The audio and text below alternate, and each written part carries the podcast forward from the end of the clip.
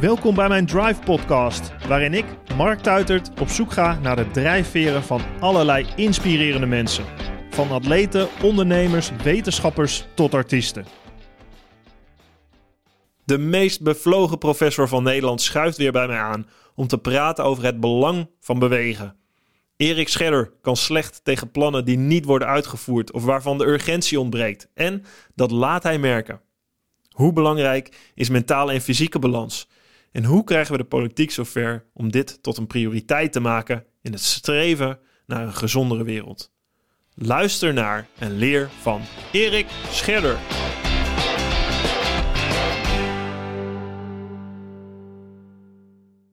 Vind je deze podcast leuk? Beluister dan ook de podcast Goudspraak. Ik ben Minkeboy. Als voormalig tophockeyster weet ik hoe Olympisch goud voelt. In de openhartige podcast Goudspraak praat ik met sporticonen die straks in Parijs voor het hoogste podium gaan. Over de weg naar goud.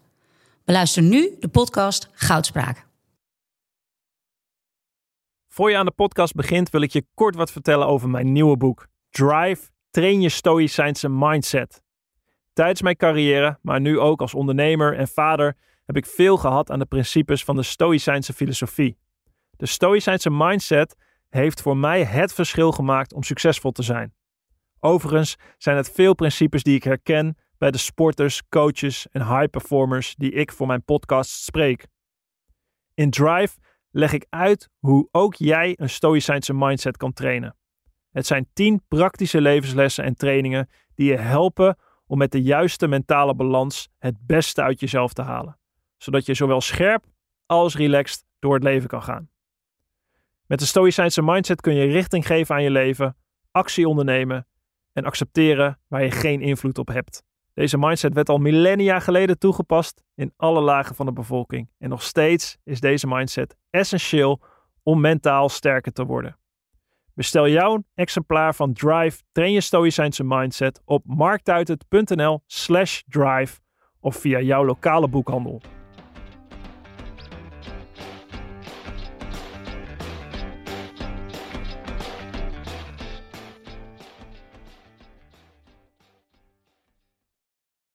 Erik, daar zijn we weer. Hi. Gezellig, altijd mooi. Mark, om- leuk je weer te zien. Ja, altijd mooi om, eh, om hier weer aanwezig te zijn na onze eerste podcast al, waar we ook Leuk. heel veel in behandeld hebben. Eh, Natuurlijk over de hersenen, maar ook over jouw hele verhaal, eh, jouw lange levensverhaal, waar, waarop je gekomen bent waar je nu bent.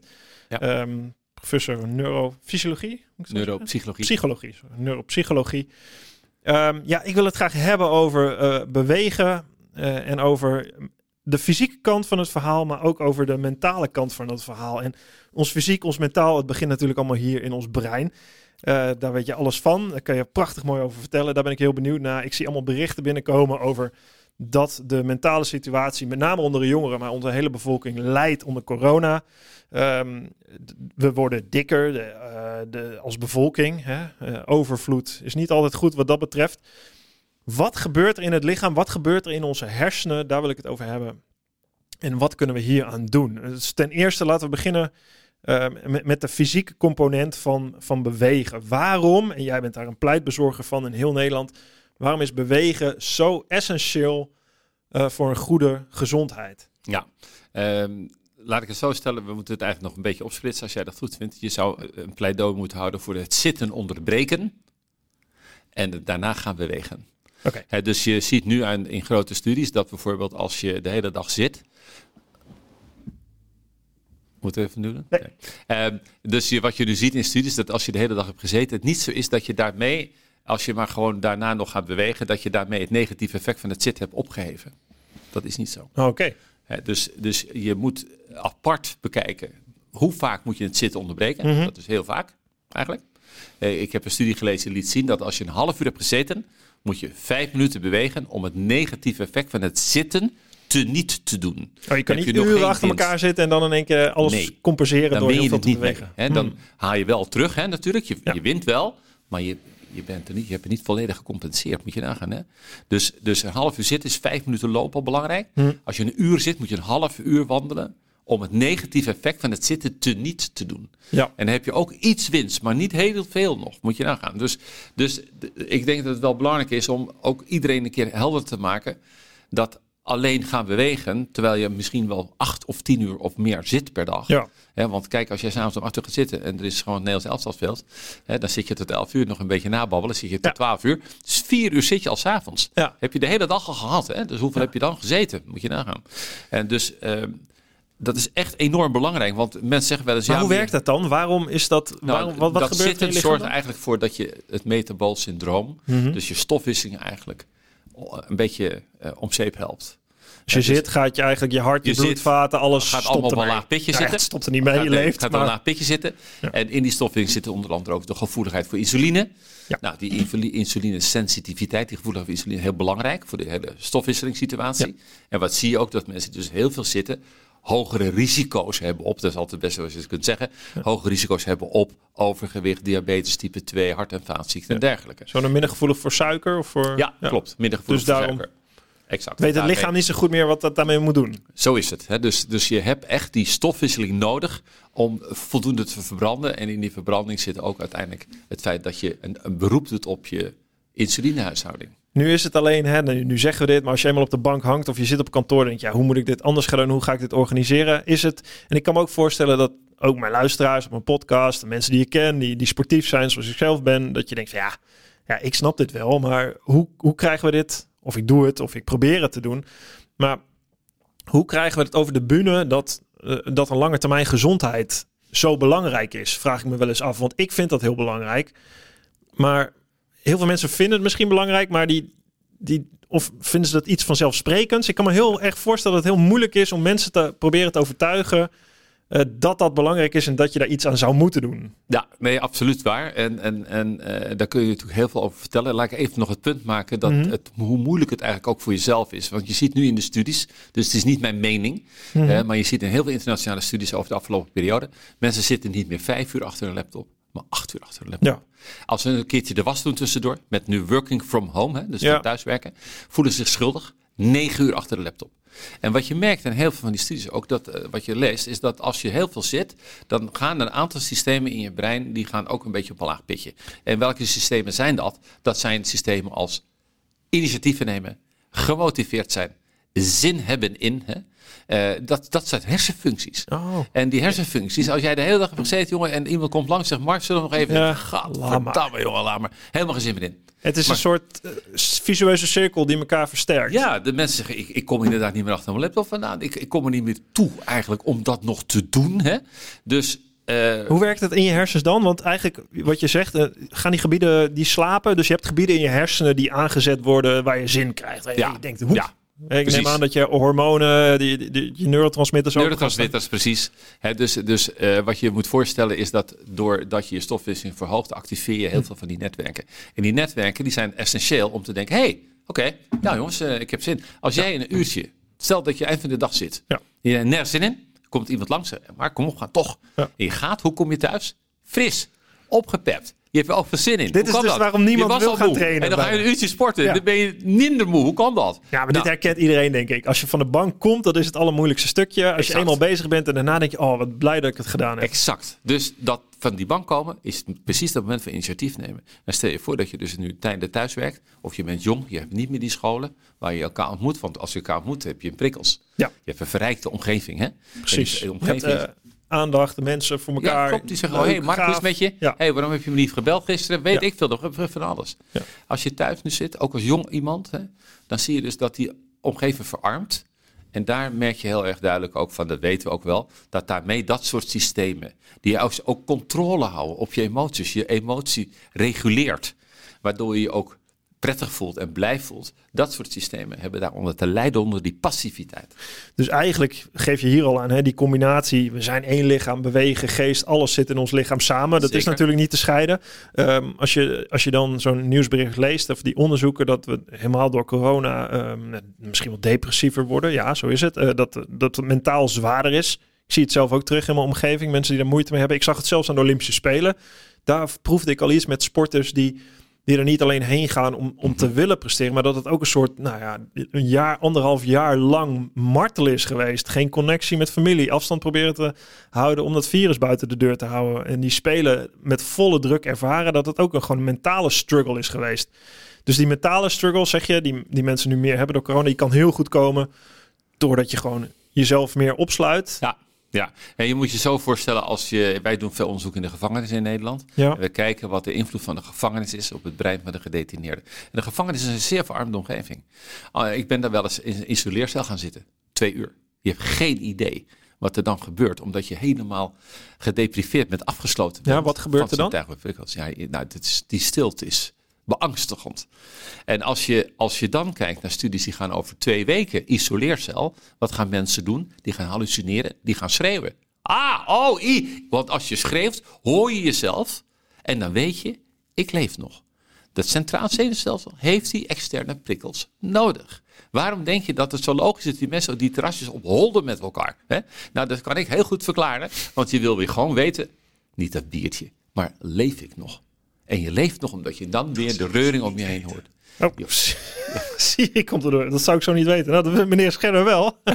En, eh, dus ja, die, die mensen die horen dan weer het gerumoer. Hmm. Ja, eigenlijk het is het heel gek dat we, zitten op het terras en inderdaad, het is helemaal niet om dat biertje om het eten alleen maar. Het is gewoon, dat is wat je mist dan. Ook gewoon naar andere mensen Een kijken. verrijkte omgeving. Een verrijkte Andere, omgeving. an- naar andere mensen kijken. Want je kan ook twee weken in de stilte zitten op een bergtop. Dan is het, dat is anders. Dat is natuurlijk anders. Hè. Dit was ook eindeloos. Ik denk dat iedereen in het begin misschien wel heeft gedacht, veel mensen lekker even eh, de rust en niet de stress. En, en er zijn nog steeds mensen die dat hebben, hè, dus laat het ook helder zijn. Ja. Die werken toch liever thuis. Ik vind Maar- het soms heel lekker. Lekker. daarom. Alle Dus- prikkels weg. Ja, ja. Oh. Maar ik zal je op een briefje kunnen geven dat als je weet dat het eindeloos gaat doorzetten, dat dat niet zo prettig is. Je wil uiteindelijk toch die reuring. En dat geldt natuurlijk, ja, voor jou zal dat anders zijn dan voor mij. Mhm. Is het ook, ehm, ja, is het ook, denk ik, als je mensen daarvan wil overtuigen dat het belangrijk is. ehm, tenminste, zo werkt het voor mij een beetje. Er begint heel veel met kennis. Dus kennis waarom dingen werken zoals ze werken. Kennis van biologie, van de hersenen. Wat gebeurt er in je hersenen als je, hoe, hoe zit dat dan als je, als je lang stil zit? Wat, wat zijn de systemen? Wat wordt er platgelegd? Ja, weet je, het, is, kijk, eh, het gaat om netwerken. En die netwerken werken heel nauw met elkaar samen. Eh, denk bijvoorbeeld aan niet alleen de frontale netwerken, je hebt ook de kleine hersenen, bijvoorbeeld cerebellum.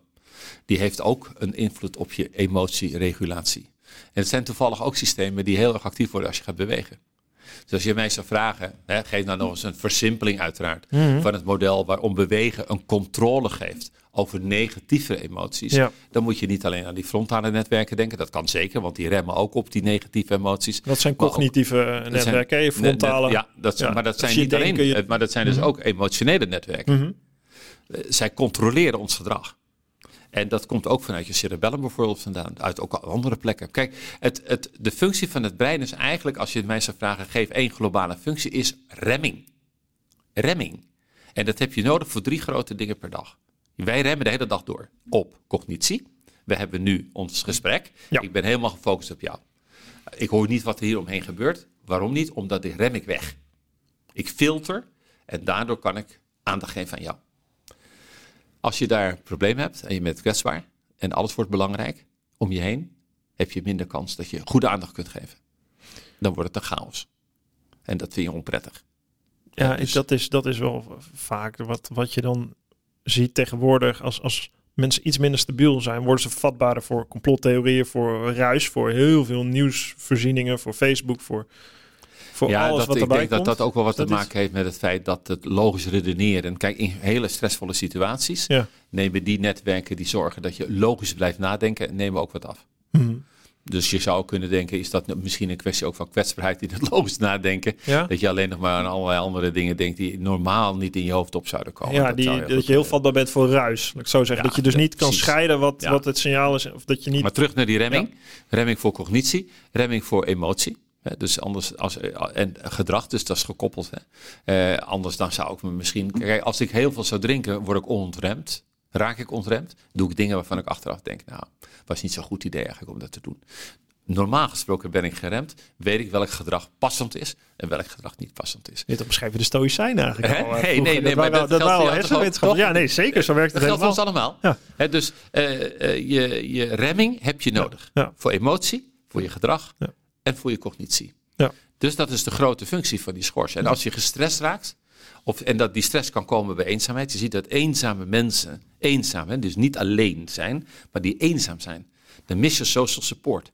Je mist je sociale steun. En die sociale steun is heel belangrijk, omdat je het gevoel hebt, ik ben niet alleen, wij delen dingen. Dat is belonend voor je.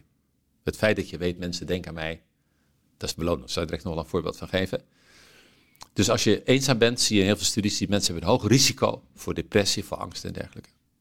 Nou, als je nu ziet hoeveel mensen in de, in de literatuur nu eenzaam zijn, jonge mensen ook. Ja. Doordat die scholen uitvallen, doordat die contacten met hun peers eh, niet meer of veel minder zijn geworden. Ja, dan zit je opeens met je eigen zorgen. En dat bespreek je dan niet meer. En er is niemand die tegenwicht geeft. Dus joh, ik hou wel van jou. Ja. Je bent wel belangrijk voor mij. En dat geef ik ook altijd vaak als voorbeeld.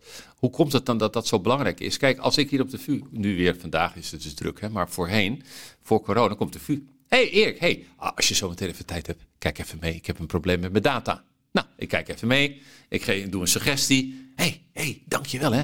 Dat is belonend voor mij. Ja. En wat gebeurt er? Ik maak dopamine aan. Ik maak ook opiaten aan. Ik voel me goed. Ik denk, oh leuk, wat Ja, een het ander is gedaan. eigenlijk gewoon een natuurlijke drugs voor je hersenen. Precies. Ja. Eh, of iemand die komt gewoon, die ziet mij en zegt, hey, hoe gaat het met jou? Hoe gaat het met je? En denk, hey, hmm, they care. He cares, she cares. Ze geeft om mij. Ja. Ja, wij zijn diep het? sociale dieren. Hoeveel keer gebeurt het als je thuis zit? Ja. Voor die jonge mensen. Mhm. Die doet juist dat optrekken met elkaar. Het gewoon bij elkaar zijn. Hè? Het in groepen met elkaar zijn. Maakt heel veel vrij. Denk aan oxytocine. Stofjes waarbij je die saamhorigheid voelt. Ja. Ja, eh, maar als dat allemaal dus door die periode wegvalt, dan kan je je voorstellen dat er zeer veel mentale problemen zijn. En het is te gek om te zeggen, dat los je met bewegen op. Ja. Nee. Dus zou ik mezelf ook voor idioot zetten, dat beperk ik graag. Ja. En, en dat is ook onzin. Maar als je mij zou vragen, zou een algemeen advies moeten zijn, kijk of je je dag- en nachtritme kunt terughalen. Dat betekent uit je bed komen. Ging je voorheen naar de hogeschool fietsen of naar de universiteit of naar je werk. Doe ook nu. Je fietst alleen naar huis, hè? maar doe, ga wel fietsen. Dat je je dag- en nachtritme terughaalt. Dat is wel weer heel belangrijk. Wat heeft het te maken met wat je net zei, die beperking, emotioneel cognitief gedrag, dat je die, eh, die hersenfuncties, ehm, wat spelen die daar voor een rol in? Ja, dus als je weer, zeg maar, als je wel fysiek actief wordt, wat je in ieder geval doet, is dat je probeert om die systemen die, zoals die kleine hersenen en die frontale netwerken, om maar het voorbeeld te noemen, die activeer je wel. Waarbij je ook kan merken, als ik sport, heb ik toch meer grip op mijn negativiteit. Ja. Op mijn somberheid of op mijn angsten. En daar merk ik toch dat ik meer grip op heb. Maar in die zo'n periodes die we gehad hebben, is natuurlijk dat sporten is niet voor iedereen. Sommigen zijn meer gaan sporten. Dus Ja. moeten genuanceerd blijven. Maar als je over grote groepen kijkt, is het voor veel mensen afgenomen. Ja, dat klopt. Want terwijl ik heel veel mensen inderdaad, dat is dan de groep die ik zie, die zie je buiten in één keer veel meer sporten, veel meer bezig te bij. Maar dat is maar een klein gedeelte. Ja. Je ziet de mensen die, ja, die zie je niet meer, want of die zitten binnen of die, die Ja. ondernemen, die nemen minder initiatief, et cetera. Exact. exact. Ik vind het daarom zo leuk dat ik met je spreek vandaag. Omdat er natuurlijk nu een tendens ontstaat naar hybride werken. Ja. En daar hebben we ook al een stukje in de krant over geschreven. Pas op. Want als thuiswerken zo'n succes was geweest, dan hadden we al die problemen niet gehad. Dus thuis werken is thuis zitten. Ja. Dat is ongeveer het idee. Niet voor iedereen nogmaals. Hè, Dus ik ben, we zijn echt samen super Ja, genuanceerd. snap ik. Maar anders zijn mensen, maar voor geld niet Ja, voor mij, weet ik. Hè. ja. Maar voor een grote groep wel. Eh, Dus ik zeg ja, vier dagen thuiswerken, één dag naar de zaak voor de ontmoeting. Hè? Ben je geen voorstander van? Nou, in ieder geval, denk erover na. Want als u thuis zit en thuis gaat werken, houdt u dan wel uw ritme aan. Maar mensen denken zo meteen, herfst, regen, ik hoef er niet uit. Anders ik tien minuten fiets. Ik blijf zitten. over Utrecht Centraal, trap op, trap af. Het is een hele andere stadmarkt van de dag dan als je nu gewoon thuis werkt. Hè? Dus ja.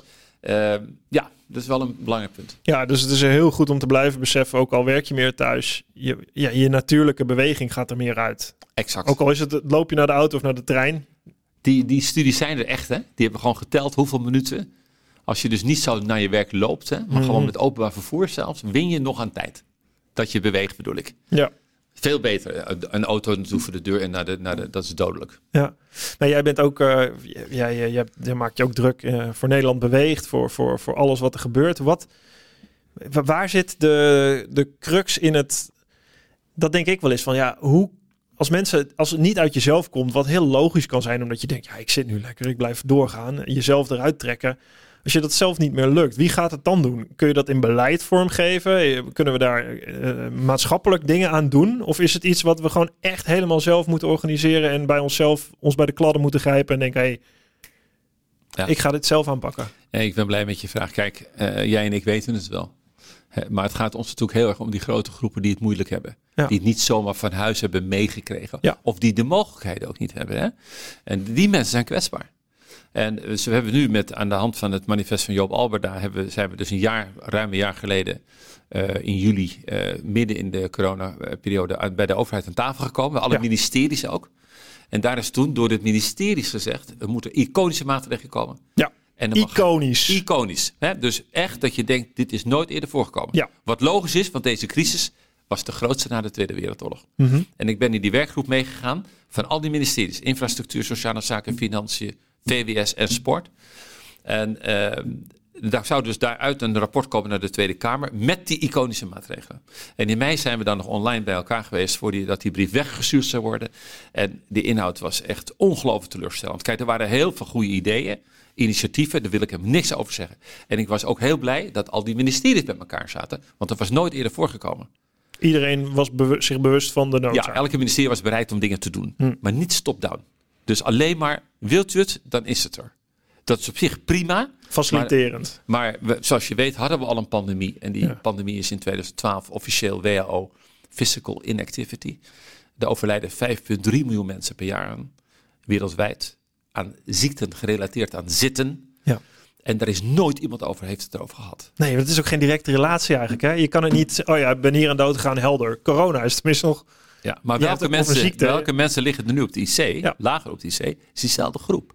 Dus je ziet in onze studies, niet door mij gemaakt, maar in, de, in onze literatuur, two pandemics. Eén die er al was en één die er dus nu is. En die zijn helemaal in elkaar gevlochten, want doordat wij zitten, is ons immuunsysteem afgezwakt. En dat wordt nog zwakker als je diabetes type 2 hebt of overgewicht hebt. Ja. Niet eigen schuld, dikke bult, want een aantal mensen kunnen ook niks aan doen. Zo is het ook niet bedoeld. Hart- en vaatziekten.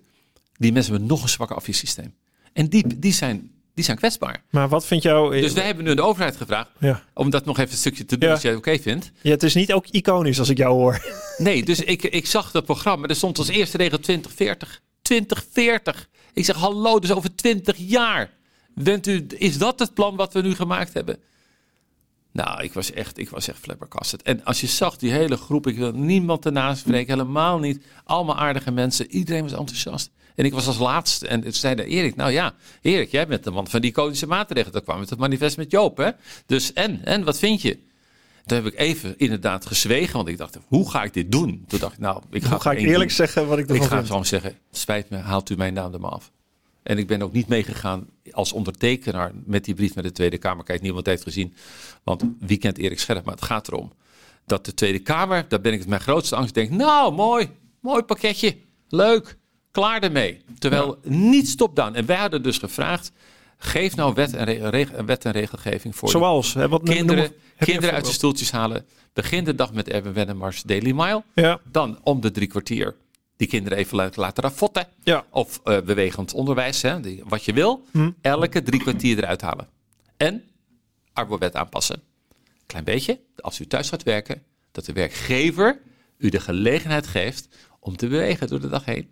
U zit te onderbreken zonder dat u zich schuldig voelt. Dat laatste is namelijk het meest essentieel. Mensen doen het wasje of die gingen een half uur lopen. Die denken, ja, jezus, dat is natuurlijk... Sorry, die denken natuurlijk, nee, dat kan ik niet doen, want het is in de tijd van de baas. Nee, dat is een onderdeel van uw gezondheid en dat is de taak van de baas. Ja, maar dit vind ik, ja, ik begrijp het, maar dit vind ik wel fascinerende, want dit is voor mensen, dus, dus mensen voelen dat schuldgevoel, dat kun je niet met regels wegnemen, toch? Dat is gewoon iets wat in mensen zit, wat blijkbaar ook een mooi iets is, want het heeft met loyaliteit te maken richting je werkgever, wat je Zeker. doet. Maar ja, aan de andere kant eh, moet je daar zelf voor gaan staan. Dus heb je de eigen verantwoordelijkheid eigenlijk voor jezelf, maar zelfs ook richting je baas om ja, die, niet die verantwoordelijkheid, maar wel dat helpt ook voor je baas, ook voor je, voor je, voor je werk, om zelf te bewegen, fit te zijn en dat echt. Maar Ja. hoe krijg je dat zover dan? Nou ja, kijk, er zijn een aantal eh, studies over geweest. Hoe krijg je uiteindelijk dat voor elkaar? Ja, En dan is het bewustzijn, wat je toen net ook noemde, is één factor maar. Want kijk, de, ik heb het allemaal uitgelegd, dus daar lag het niet aan. ja. Waarom wil de overheid dat is gewoon de ambitie niet. Nee. Het was, we maken een, een blaadje, zo gaan we het doen. En kijk maar of de vrijblijvendheid, die steekt jou. De, bewust, de bewustwording was er. Ja, Alleen de urgentie is er niet. nee. En men denkt nee, een van de antwoorden is, wij doen niks aan vrije keuze van scholen. Ja, aan vrije keuze van scholen. Dat is wel onzin. Ja, we betuttelen niet. Zeg gewoon, nee, die avondklok was toch ook eh, in een dag geregeld? Ja. Hebben we gewoon tegen hun tegen ons gezegd, hè? Avondklok is toch ook geregeld? Mm. Ja, was voor de infectie. Ook zeggen, wat denkt u dat als u de Nederlandse bevolking op deze manier door laat gaan, met meer overgewicht, en we blijven zitten, denkt u dat u dan de infectiegevaar bestrijdt? Nee, ja, natuurlijk niet. Maar dan wordt het stil. Dus als je aan mij in mijn hart kijkt, weet ik nog steeds niet, tot op heden, waarom men gewoon niet denkt, ja, dat moeten wij gewoon doen. Kijk naar de ernst van de crisis. En natuurlijk heb je gelijk, als je kijkt naar die arbeidswet, zouden de werknemers zelf kunnen denken, ik doe het vanwege mijn eigen gezondheid. Maar wat ik heel erg hoor uit het veld, is dat het helpt als die werkgevers weten, ik moet het doen. Mhm. En dat de werknemer weet, ik ben gelegitimeerd daarvoor. Ja. Het is prima om het te doen. Het is sterker nog, mijn werkgever, die apprecieert het, waardeert dat als ik het doe, want dan ben ik fit. Je had het over veerkracht. Ja. Wat denk je van, de, van je veerkracht betekent eigenlijk heel veel. Onder andere dat je, eh, zeg maar, eh, in staat bent om je beloning uit te stellen. Hè? Dat is wat veerkracht is. Hè? Korte termijn, lange termijn. Ja, ik weet dat we bij eh, Bibian, hebben we toen nog eens een verhaal, wij samen. Ja. En dan ging het over veerkracht Ja. en wilskracht. En die Waarvan zij het ultieme voorbeeld is. ultieme Ja. voorbeeld. En, en, eh, en ik, ik denk nog daar vaak aan terug, aan haar ook, jij ook. Ja. En, maar die wist wat het was om delay discounting te doen, oftewel uitstel van belonen. Hè. Ik moet weer werken eraan en dan komt die beloning. Ja. Nou, als mensen in staat zijn om te denken, niet nu, niet nu meteen lekker, lekker, ik zit lekker. Nee, eh, je weet dat de beloning gaat komen als u toe in staat komt om te gaan bewegen. Actieve leefstijl, beter slapen. Dan over een jaar, misschien over een half jaar al, gaat uw weerstand omhoog. Voelt zich beter. Maar hoe zit dit in mensen? Dit is toch het grote eieren eten met alles wat we doen. Of het nou economie, economie is, gezondheid. Het, de afweging van, van mensen van oké, ik, kijk, ik vind lange termijn gezondheid belangrijk. Ik ben bereid om korte termijn pijn te lijden. En dat is soms trainen als ik er geen zin in heb. Of, of tijd erin te steken, terwijl ik liever iets anders zou doen. Eh, Ik begrijp me goed. Ik vind het ook leuk om eh, Champions League eh, een biertje open te trekken en een zak chips in mijn hand te houden. Ja. Doe ik heel vaak niet. Heel soms wel. Ja, Ik, ik leg restrictie op matigheid, hè. Ik, regulatie zelf op korte termijn, omdat ik lange termijn gezondheid belangrijk vind. Ehm, maar dat, ja, misschien gaat het op heel veel andere vlakken, eh, kan ik dat ook helemaal niet. Waarom is het voor mensen zo moeilijk ehm, om, om dat te doen? Om, om die prijs op lange termijn voor ogen te houden en korte termijn te denken, oké, je hebt altijd een keuze natuurlijk op korte termijn. Je kan denken, ja, ik kan het wel of niet doen. Ja, de als ik pas later de, Ja, De, ja. de prijs hoef te betalen, nou dan heb ik liever het goedje nu. Ja, het is denk ik zo in centraal zenuwstelsel toch geregeld uit de evolutie. Niet bewegen is sparen van energie. Je Ja. weet niet of je de volgende dag nog een hertje schiet of hoe je het ook wilt noemen. Ja. Dus kalm aan. En kennelijk is dat zeer belonend. En dat zie je ook. Als ik met de trein ga, mensen douwen zich naar binnen om naar die stoel te gaan. Ja. Die ene stoel, die is voor mij. Behalve in Dus- Japan trouwens. Ja, ja. precies. Maar zo belonend is dus rust. Dat is een fijn gevoel. Lekker zitten. Ja. Lekker zitten. Nou, ik heb Dus- het ook als ik een, een 20 minuten sta. Dan denk ik, oh, ik ga lekker even erbij zitten. Want Ja, dus, dus het is een beloning. Ja, stel jij die beloning maar uit. Is het dan zo dat je denkt, ja, maar ik was, hè, maar moet ik eigenlijk weer gaan bewegen? Ik zit nog Hmm. lekker. Ja. Maar die, de uitstel van beloning, ik, ik ga denk maar even aan Bibian. Dat is, en jij zelf als, als sporter, ik weet, ken jouw levensverhaal. Als er ook iemand was die uitstel van beloning heeft gekend, ben jij het zelf. er is geen andere manier. Ongelooflijk. Om dingen te Om behalen. zo lang te wachten en dan niet te weten of je het uiteindelijk haalt. Ja. Maar dan haal je het. Dus het zou natuurlijk fantastisch zijn als iedereen zich in, in zou zetten voor zichzelf om te denken. Uiteindelijk is die beloning vele malen groter. Omdat het voor jezelf, ja. Ja, maar ja, dat is dus evolutionair. Denken wij, ja, Dus morgen moet- leef ik misschien niet meer. Klopt. Ik neem die beloning Dus- nu wel even. Dus moet, 20 en jaar, dat was de tweede factor, niet alleen bewustwording, maar ook eh, prioriteit nummer één van maken. Ja, dus dat jij zegt, of iemand zegt, dit is voor mij nu allerbelangrijkste geworden.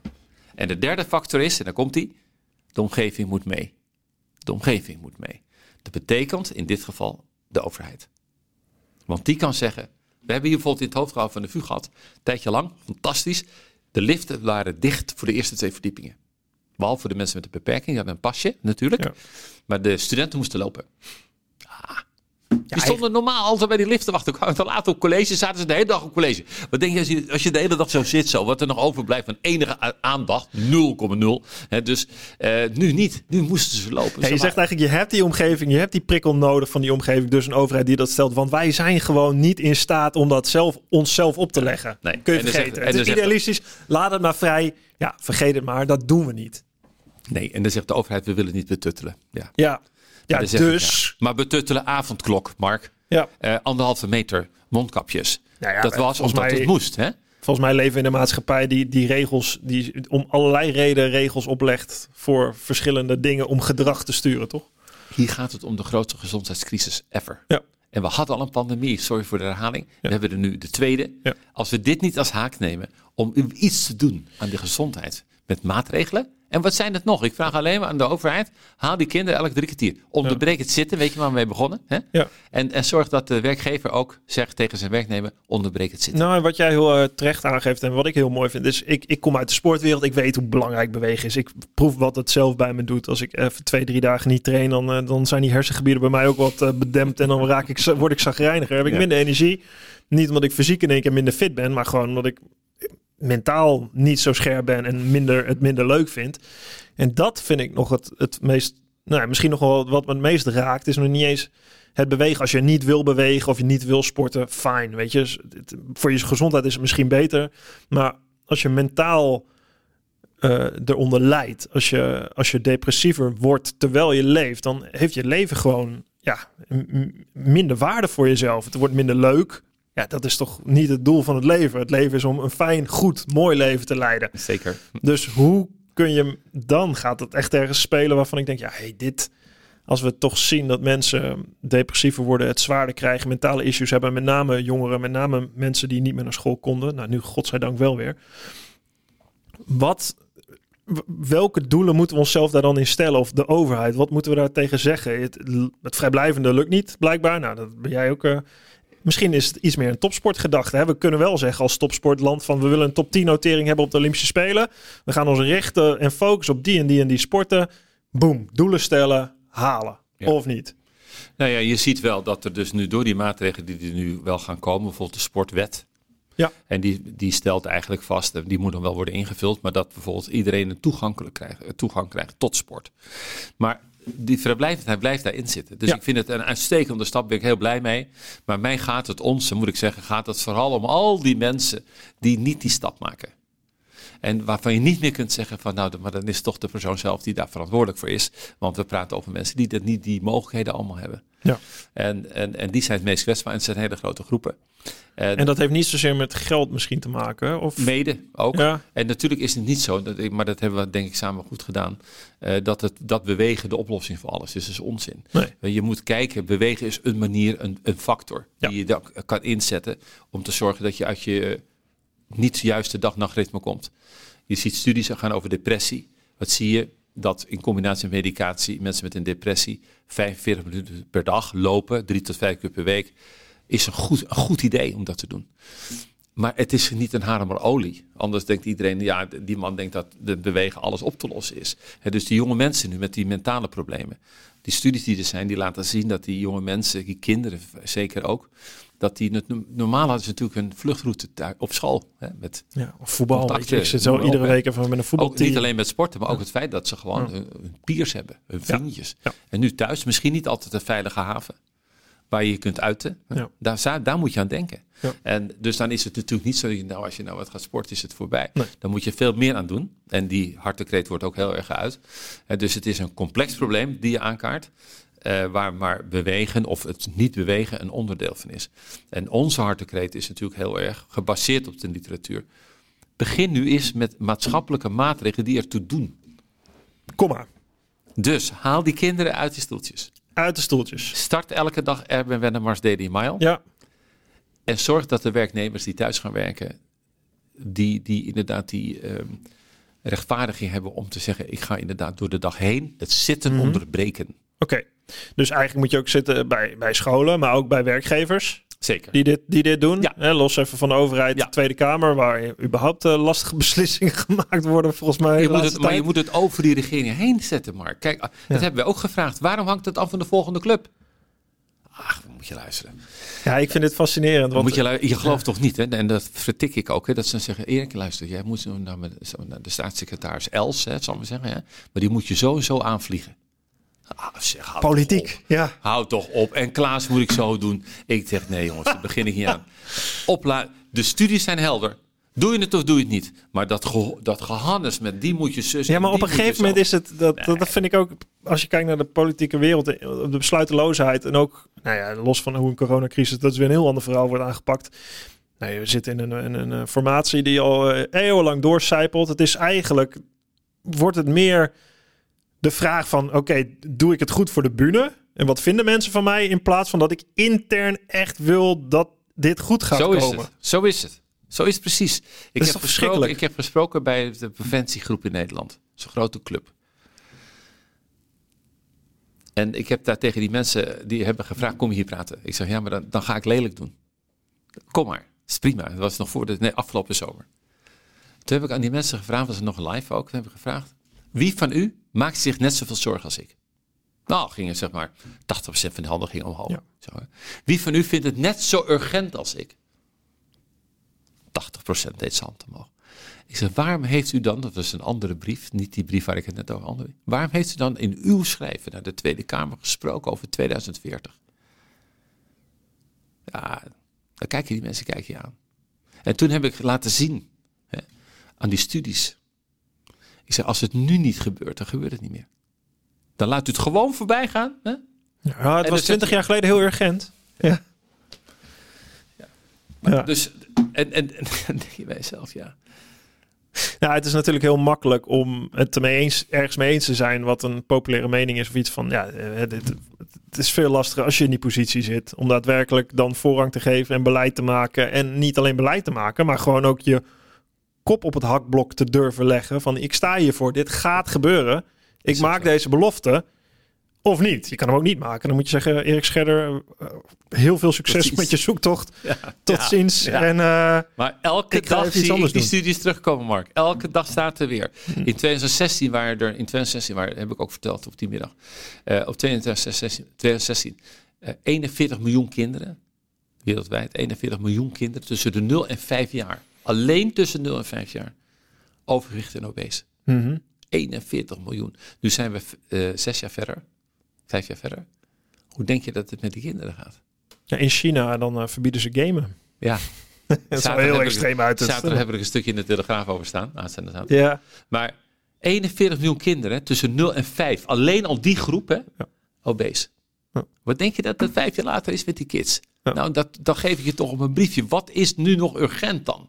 Als je dat allemaal niet urgent vindt, ja, dan, dan heb ik er ook niks te zoeken. Ja. Maar ik vraag dus aan de overheid. U kunt de avondklok instellen. U kunt anderhalve meter. U kunt alles regelen. Horeca plat. De hele zooi. Waarom zegt u niet tegen die scholen? Kom op, elke drie kwartier uit de stoeltjes.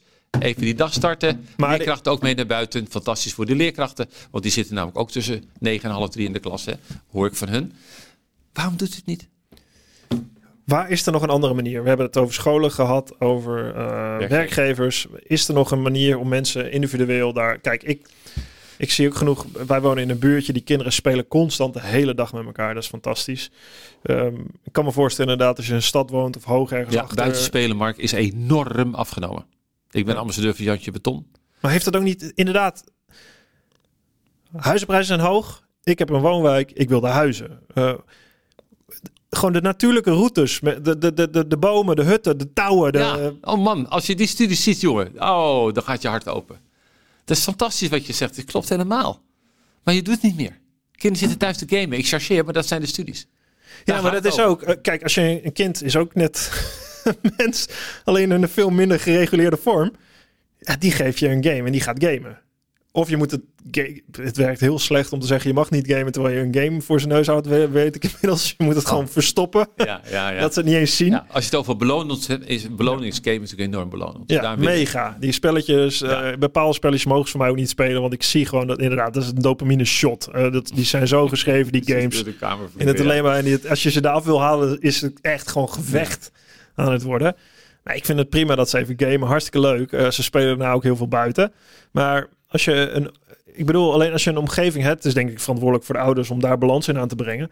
Maar als de omgeving eh, het ook niet faciliteert eh, en je leert het niet op school, et cetera, et cetera. Het is volgens mij en, en, en. Als je, als je ergens woont en, eh, en je hebt een hele leuke omgeving waar, waar ook heel veel gebeurt. Waar je hutten kan bouwen, waar Ja, je van allerlei dingen kan doen. In plaats van rondhangen op Nee, maar dan heeft het ook veel meer invloed toch op überhaupt hoe we de hele maatschappij inrichten. Hoe we een, een stad bouwen. Hoe we Ja. een, het gaat veel verder in die school en die werkgever. Het gaat...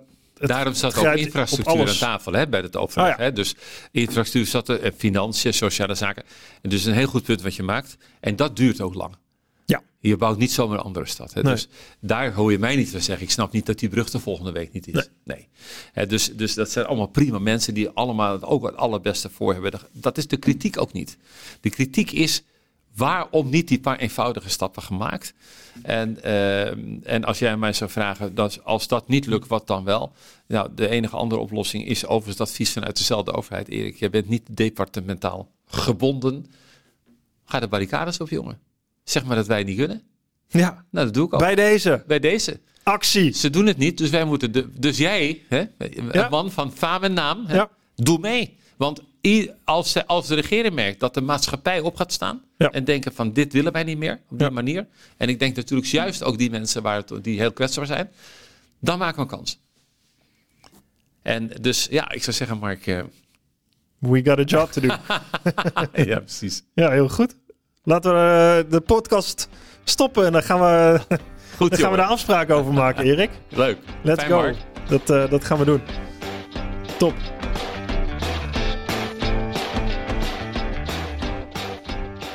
Dank voor het luisteren naar mijn Drive podcast. Je vindt mijn aflevering op Spotify, iTunes, YouTube en mijn website marktuitert.nl. Laat me weten wat je van mijn podcast vindt en deel dat via Instagram, Twitter, LinkedIn of Facebook. Heb je suggesties voor gasten? Stuur me dan een DM via die kanalen. Tot de volgende Drive podcast. Goed, Mark.